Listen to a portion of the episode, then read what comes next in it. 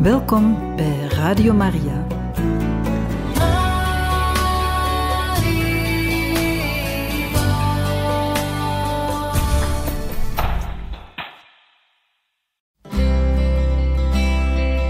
Welkom bij Boekat, een programma van Radio Maria.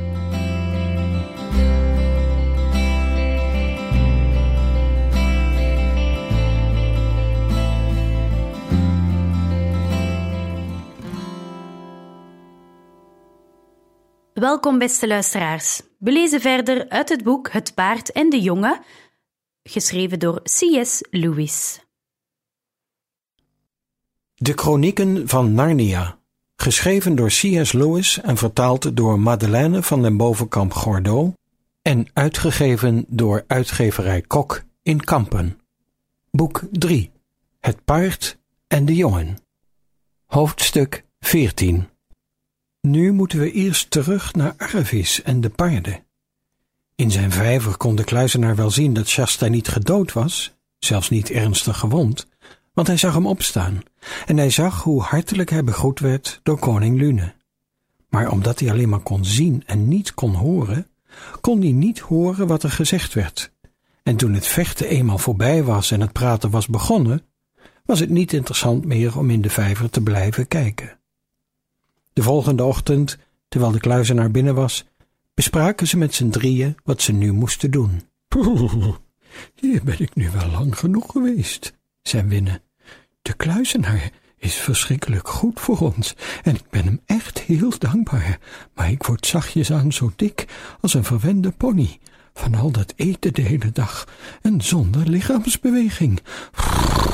Zullen we verder gaan naar Narnia? Oh, vandaag nog niet, mevrouw, zei Brie. Ik zou niet zo verhaast doen. Een ander keertje, vindt u niet?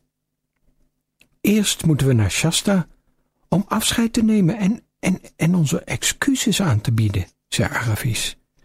Precies, zei Brie enthousiast. Dat wilde ik nou net zeggen. Ja, dat spreekt vanzelf, zei Binnen. Hij zal wel in Antwoord zijn. Natuurlijk gaan we even bij hem aan om afscheid te nemen. Maar daar komen we onderweg vanzelf langs. En waarom zouden we niet dadelijk op weg gaan? Ik dacht dat Narnia uiteindelijk ons reisdoel was. Hm, zei Arvis. Ze begon zich af te vragen wat ze precies zou moeten beginnen als ze daar eenmaal was. En ze voelde zich een beetje eenzaam. Natuurlijk, natuurlijk, zei Brie haastig, maar we hoeven ons niet te haasten, als je begrijpt wat ik bedoel. Nee, ik begrijp niet wat je bedoelt, zei Binnen. Waarom wil je er niet heen? mompelde Brie. Nou ja, u begrijpt dat niet, mevrouw. Het is een gewichtige gebeurtenis. Naar je eigen land terugkeren, weer in goede kringen gaan verkeren, de beste kringen. Het is heel belangrijk om een goede indruk te maken. We zien er misschien nog niet helemaal op ons best uit, hè? Winnen barstte in paardengelach uit. Het zit hem in je staart, Brie. Nu snap ik het allemaal. Jij wilt eerst wachten tot je staart weer aangegroeid is. En we weten niet eens zeker of ze in Narnia hun staarten wel lang dragen. Werkelijk waar, Brie. Je bent al net zo'n ijdeltuit als die Tarkina in Tashbaan. Ja, je stelt je echt aan, Brie, zei Aravis. Bij de manen van de leeuw, Tarkina, dat doe ik helemaal niet, zei Brie verontwaardigd. Ik heb alleen respect voor mezelf en voor mijn medepaarden. Dat is alles. Brie, zei Arvis, wie het weinig kon schelen hoe zijn staart eruit zag, er is iets wat ik je al heel lang wil vragen. Waarom zweer je steeds bij de leeuw en bij de manen van de leeuw? Ik dacht dat jij een hekel had aan leeuwen. Dat heb ik ook, antwoordde Brie, maar als ik over de leeuw spreek, bedoel ik natuurlijk Aslan, de grote bevrijder van Narnia, die de heks en de winter verdreven heeft. Alle Narniërs zweren bij hem. Maar is hij dan een leeuw? Oh, nee, nee, natuurlijk niet, zei Brie nogal geschokt. In alle verhalen die je in Tarsbaan over hem hoort wel, antwoordde Arivis. En als hij geen leeuw is, waarom noem je hem dan een leeuw? Nou ja, dat kun je nog niet begrijpen op jouw leeftijd, zei Brie.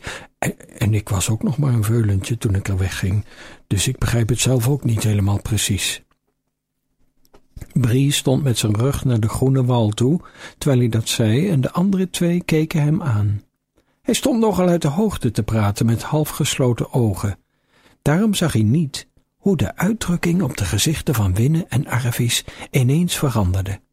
Ze hadden alle reden om met opengezakte monden en grote ogen te gaan staan kijken, want, terwijl Brie stond te praten, zagen ze een reusachtige leeuw van de buitenkant opspringen en even bovenop de groene omheining blijven staan. Alleen was deze leeuw stralender geel en groter en prachtiger en angstaanjagender dan alle leeuwen die ze ooit gezien hadden. En meteen erop sprong hij aan de binnenkant van de wal naar beneden en begon achter Bries rug naar hem toe te komen. Hij maakte geen enkel geluid. En Winnen en Arvis konden zelf geen geluid uitbrengen.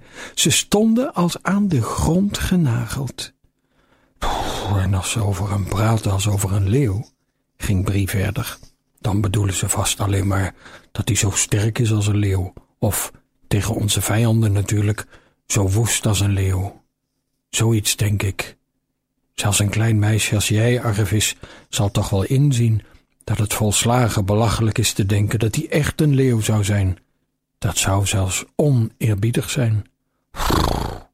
Als hij een leeuw was, zou hij vier poten hebben en een staart en snorren. Hey, hey, oh, help! Want juist toen hij het woord snorharen zei, kriebelde er een van Aslan aan zijn oor. Brie schoot er als een pijl uit de boog vandoor, naar de overkant van de binnenplaats, en daar draaide hij zich om. De wal was voor hem te hoog om overheen te springen, en verder kon hij niet vluchten. Arvis en Winnen deinsden alle twee achteruit. Eén seconde lang was het heel stil. Toen hinnikte Winnen, die over haar hele lichaam beefde, even vreemd en kort, en draafde toen naar de leeuw toe. U bent zo prachtig, zei ze. U mag me opeten als u wilt. Ik wil liever door u worden opgegeten dan gevoerd te worden door een ander. Mijn lieve dochter, zei Aslan, en hij drukte een leeuwenkus op haar trillende fluweelzachte neus. Ik wist wel dat het niet lang zou duren voordat jij bij me zou komen. Je zult vreugde kennen. Daarna hief hij zijn kop op en begon wat harder te praten. Zo, Brie, zei hij, arm, trots, bang paard, kom eens dichterbij. Nog dichterbij, mijn zoon. Waag het niet niet te durven. Raak me maar aan. Ruik maar aan me. Hier zijn mijn poten. Hier is mijn staart. Dit zijn mijn snorharen. Ik ben een echt beest. O, Aslan, zei Brie met bevende stem, ik heb me nogal belachelijk gemaakt, vrees ik. Gelukkig is het paard dat dat beseft, terwijl hij nog jong is. De mens trouwens ook. Kom hier, Aravis, mijn dochter, kijk. Mijn nagels heb ik ingetrokken. Deze keer zal ik je niet krabben. Hoe bedoelt u deze keer, meneer?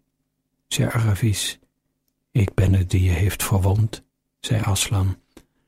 Ik ben de enige leeuw die je op al je omzwervingen bent tegengekomen. Weet je waarom ik jou gekrapt heb? Nee, meneer.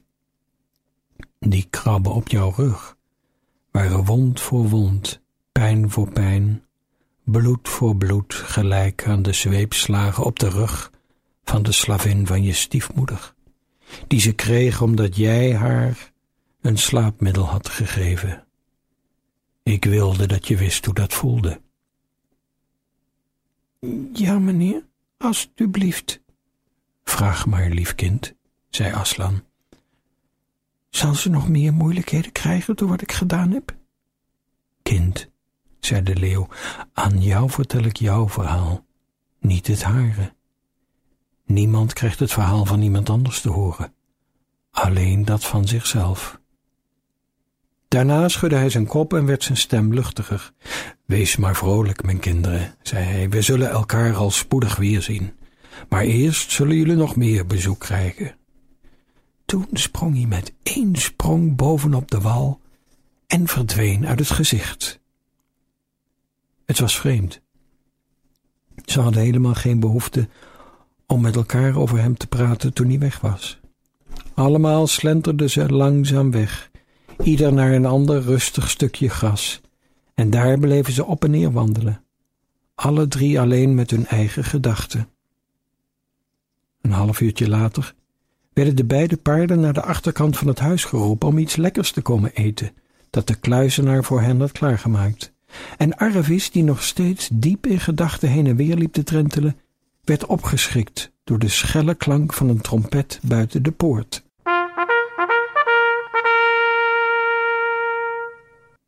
Is daar? zei Arvis. Zijn koninklijke hoogheid, prins Cor van Argenland, zei een stem daarbuiten. Aravis ontgrendelde de poort en deed hem open. Ze deed een stapje achteruit om de onbekende binnen te laten. Eerst kwamen er twee soldaten met hellebaarden. Ze gingen ieder aan één kant van de ingang op wacht staan. Toen volgde er een heraut en de trompetter.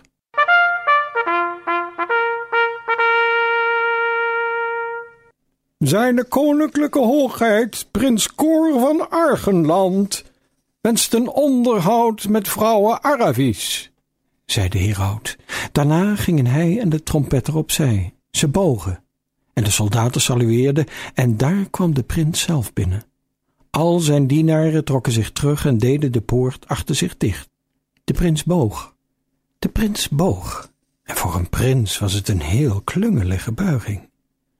Aravis maakte een reverence op de Calormeense manier, die is heel anders dan bij ons, en ze deed het heel keurig, want ze had natuurlijk leren buigen. Toen keek ze op en zag ze wat voor iemand deze prins was. Ze zag dat het nog maar een jongen was. Hij was blootshoofds en om zijn blonde lokken droeg hij een smalle gouden band, nauwelijks breder dan een draad. Zijn boventuniek was van witte batist, net zo fijn geweven als een zakdoekje, zodat je de helderrode tuniek eronder er doorheen zag schijnen. Zijn linkerhand, die op het geëmailleerde gevest van zijn zwaard rustte, zat in het verband. Aravis keek naar zijn gezicht en toen nog eens. En daarna sloeg ze haar hand voor haar mond en zei: Nee, het is Shasta. Shasta werd meteen erg rood en begon heel vlug te praten. Luister eens, uh, zei hij. Ik hoop niet dat je denkt dat ik er zo bij loop en met die trompetter en zo om indruk op jullie te maken of om te laten zien dat ik anders ben of dat soort onzin. Want ik was veel liever in mijn oude kleren gekomen, maar die zijn nu verbrand en mijn vader heeft gezegd... Je vader? zei Aravis. Het blijkt dat koning Lune mijn vader is, zei Shasta. Eigenlijk had ik dat wel kunnen raden, omdat Corin zo sprekend op mij lijkt. We waren een tweeling, zie je. Oh, en ik heet geen Shasta, maar Koor. Koor? Dat is een veel leukere naam dan Shasta, zei Aravis. Zo zitten namen van broers in Argeland in elkaar, zei Shasta. Of prins Koor, zoals we hem van nu af moeten noemen. Net als daar en daarin. Cole en Colin en zo. Shasta, uh, Koor, bedoel ik, zei Agavis. Nee, nee, stil even. Ik moet je nu dadelijk iets zeggen. Het spijt me dat ik zo'n trut ben geweest, maar ik was al anders geworden voordat ik wist dat je een prins was, eerlijk waar, toen jij terugging en de leeuw probeerde weg te jagen. Hij was eigenlijk helemaal niet van plan om je te doden, die leeuw, zei Koor. Ik weet het, knikte Arvis. Ze waren allebei even ernstig en stil toen ze zagen dat de ander het ook wist, van Aslan. Opeens dacht Arvis weer aan Koors verbonden hand. Zeg, riep ze uit, dat vergeet ik haast. Je hebt aan een veldslag meegedaan. Is dat een wond? Mm, een schammetje maar, zei Koor voor het eerst nogal uit de hoogte. Maar meteen daarna barstte hij in lachen uit en zei: Als je de waarheid wilt weten, het is helemaal geen echte wond. Ik heb alleen mijn knokkels geschaafd. Net als iedere onhandige domoor zou kunnen doen zonder zelfs maar in de buurt van een gevecht te komen. Maar, maar je was er toch bij in dat gevecht, zei Agavis. Wat moet dat geweldig geweest zijn?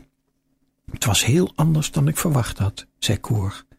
Maar Koor bedoel ik, je hebt me nog niets over koning Lune verteld. En hoe hij ontdekte wie je was. Nou, laten we er dan eerst eens uh, even bij gaan zitten, zei Koor. Want het is nogal een lang verhaal. En tussen twee haakjes, mijn vader is een geweldige man. Ik zou net zo blij zijn, of bijna tenminste, als was gebleken dat hij mijn vader is, ook als hij geen koning was geweest. Maar er gaan natuurlijk wel allerlei afschuwelijke dingen met me gebeuren. Een opleiding en zo. Maar je wilt het verhaal horen. Nou, Corin en ik waren een tweeling. En ongeveer een week nadat wij tweeën geboren waren, schijnen ze ons meegenomen te hebben naar een wijze oude centaur in Narnia. Om zijn zegen te krijgen of zoiets. Die centaur was een profeet, zoals veel centaurs. Maar misschien heb je nog geen centaur gezien. Er waren er gisteren een paar in de veldslag. Heel bijzondere lui. Maar ik kan nog niet zeggen dat ik me helemaal bij ze op mijn gemak voel. Zeg, Arvis, er zijn nog heel wat dingen waar we aan zullen moeten wennen, hier in deze noordelijke landen. Jazeker, zei Arvis, maar vertel nou verder. Nou, zodra hij Corren en mij zag, keek die centaur mij volgens het verhaal aan en zei er zal een dag komen dat deze jonge Argenland redden zal uit het dodelijkste gevaar waarin het ooit heeft verkeerd. Dus mijn vader en moeder waren natuurlijk heel blij. Maar er was ook iemand die dat niet was.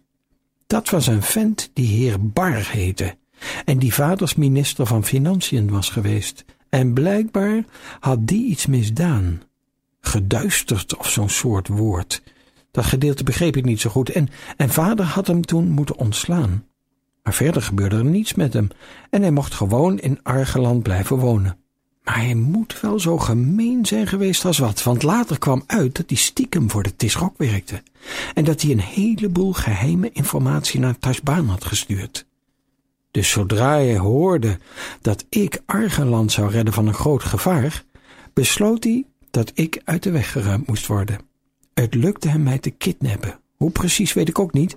En hij reed er langs de slingerpijl vandoor naar de kust. Hij had alles voorbereid.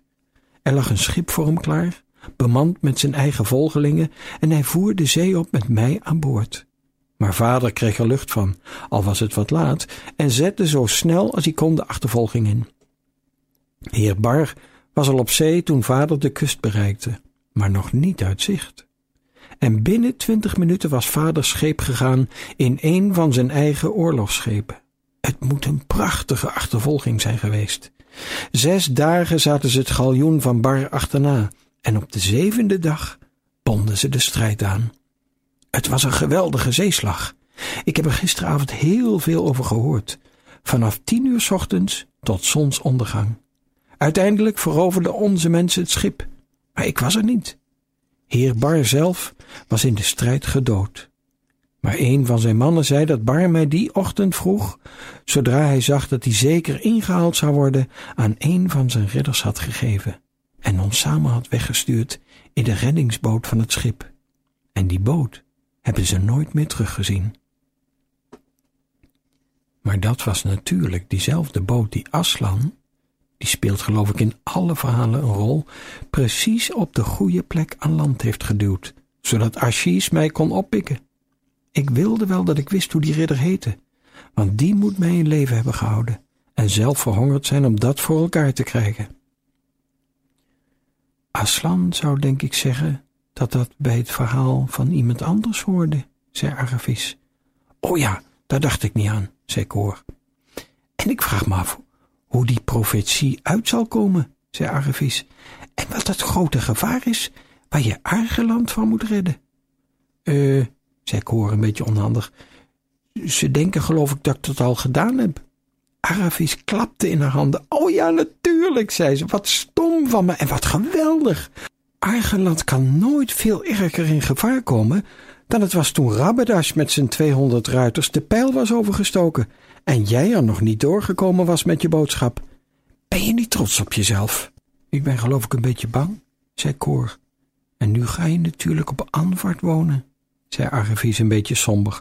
Oh, zei Cor. Ik was bijna vergeten waarvoor ik kwam. Vader wil dat je bij ons komt wonen. Hij zegt dat er sinds moeder gestorven is geen dame meer aan het hof is geweest. Zo, ze noemen het het hof. Waarom weet ik ook niet. Oh, doe het alsjeblieft, Arvis. Je mag mijn vader vast en Corin ook. Ze zijn niet zoals ik. Ze zijn goed opgevoed. Je hoeft niet bang te zijn dat. Ah, hou op, zei Arvis, anders krijgen we echt ruzie. Natuurlijk ga ik mee. Zullen we dan nu naar de paarden gaan? zei Koor. Het was een geweldig en blij weerzien tussen Brie en Koor. En Brie, die nog steeds in een erg nederige stemming was, was het ermee eens om meteen op weg te gaan naar Argenland. Hij en Winne zouden dan de volgende dag door de pas naar Narnia oversteken. Ze namen alle vier hartelijk afscheid van de kluizenaar en beloofden dat ze hem gauw weer zouden komen opzoeken. Tegen het midden van de ochtend waren ze op weg. De paarden hadden verwacht dat Arvis en Koor op hen zouden rijden, maar Koor legde uit dat behalve in een oorlog, als iedereen moet doen waar hij het beste in is, niemand in Narnia of Argenland er ooit over zou denken om op een sprekend paard te rijden. Dat deed de arme Brie er weer aan denken hoe weinig hij van de gebruiken in Narnia afwist en wat voor vreselijke vergissingen hij daar zou kunnen maken. Dus terwijl Winne voortstapte in een gelukzalige roes, werd Brie met elke stap die hij deed zenuwachtiger en verlegener. Kop op, Brie, zei Koor, voor mij is het veel erger dan voor jou. Jij hoeft geen goede opleiding te hebben. Ik moet lezen en schrijven leren en wapenkunde en dansen en geschiedenis en muziek, terwijl jullie naar hartelust over de heuvels van Narnia kunnen galopperen en rollenbollen. Maar dat is het hem nu juist, kreunde Brie. Rollenbollen spreken de paarden wel. Als ze dat nou eens niet doen. Ik moet er niet aan denken dat ik dat zou moeten opgeven. Wat denk jij, Winne? Ik rollenbol gewoon, zei Winne. Het lijkt me dat het daar niemand twee klontjes suiker schelen kan of je nou rollenbolt of niet. Zijn we al dicht bij dat kasteel? zei Brie tegen Koor. Om de volgende bocht, zei de prins. Nou, zei Brie, dan ga ik het nu nog eens lekker doen. Het kan de laatste keer wel zijn. wacht even op me. Pas vijf minuten later stond hij weer op. Hij snoof hard en zat vol stukjes gras en varens. nu ben ik er echt klaar voor, zei hij met een diepe somberheid in zijn stem.